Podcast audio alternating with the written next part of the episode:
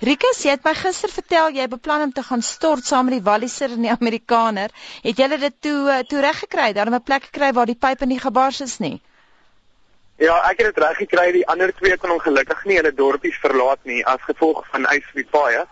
Maar ek het vanoggend deurgery vir Didi toe, um ons buurdorp waar ek gaan stort het vir R25 en dit was definitief die moeite werd geweest. Jy het seker lekker lank gestort. Riek, ek het ja, ek het dink ek het elke druppel warm water gebruik wat daar nog oor was. Rieke sê vir my, um as 'n mens nou kyk, jy weet as 'n Suid-Afrikaner, ek het vroeër die week het ek met Sheila Kammerer gepraat, ons ambassadeur in Sofia en sy het vir my gesê, jy weet sy het nou besef hoe Suid-Afrikaans sy is dat sy verskriklik sukkel met hierdie koue. Jy weet alles rondom dit, die praktiese aspekte soos wat Susan ook nou vir ons gesê het vanuit Nederland. Jy weet die geloop, jy sukkel om te loop en die ambassadeur het nog gesê, weet jy hoe voel dit om hoek skoene aan te trek op die ys, maar prakties gesproke, wat trek 'n mens aan om minus 25 grade koue te trotseer? Ehm um, ek persoonlik het ehm um, drie langmou T-shirts aangetrek, 'n knoopies hemp, twee treye en my baadjie en ek dink dit het die ding gedoen vir my deur die loop van die dag. Maar in die aand is dit uh, wel ongemaklik. Ehm um, ek wanneer een kom bers en mens bly maar in een posisie, dan is dit koud om rond te rol. Hoekom net een kombers? Ehm um, dis baie dik kombers. Dit werk darm goed, maar die matras self om rond te rol in die middel van die nag, dit is nie sentrale verhitting in die huis nie. Ehm um, die huise in Georgië het net een koolstofie, gewoonlik in die kombuise van die eetkamer waar die hele gesin dan ehm um, tyd deurbring en ehm um, gewoonlik slaap die hele gesin in een kamer. Ehm um, ek het my eie kamer in die huis en dit werk vir my darm goed behalwe vir die feit dat sonder elektrisiteit werk my olie te glad nie. So dan is ek maar koud gedurende die aand.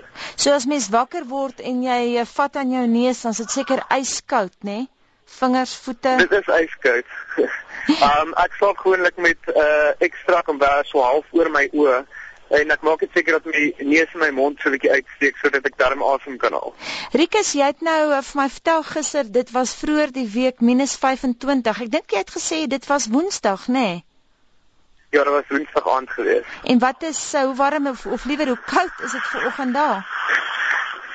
Ehm um, vandag is nie so erg nie. Vandag uh, is ongeveer so dit is uh, bo vriespunt op die oomblik. Ehm um, 1 graad Celsius, 2 grade Celsius, maar dit gaan verseker gedurende vanaand weer afgaan. Hulle voorspel weer sneeu wat nou um, 'n nuwe koue front wat inkom. Jy het seker nooit gedink as Suid-Afrikaner jy sal sê uh, dit is nie te koud nie, dis bo vriespunt, nê? ja, dit dit dit was ja, dis nogal erg nou. Ehm um, dis so erg onlik op die oomblik. Die hele uh, land het nie skool gehad nie vir donderdag en vrydag. En verlede week het my dorpie geen skool gehad nie, ehm um, weens die feit dat ons glad nie elektrisiteit het nie en ehm um, ook weens die sneeu, want dit was bang geweest vir die kinders wat in die sneeu loop skool toe dat iets met hulle sal gebeur. Het julle enige sterftes gehad in Georgië? Ons het gesien daar was sterftes in Bulgarië. Ehm um, die gestartes wat hier gehad het was ehm um, ehm um, met vervoer geweest. Ehm um, daar hulle nooit maar shoot daar, hulle mini bestaksies.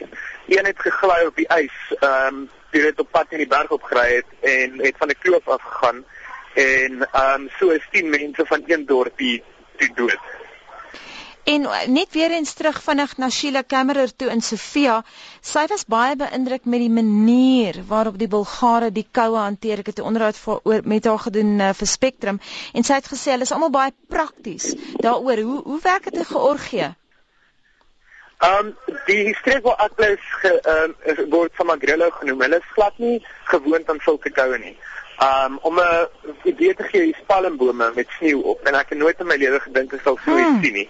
Um hulle is glad nie uh of om prakties hulle sukkel 'n bietjie met die koue op die oomblik. Dis hoekom skool en so ook afgestel was want hulle weet nie hoe om dit te werk nie.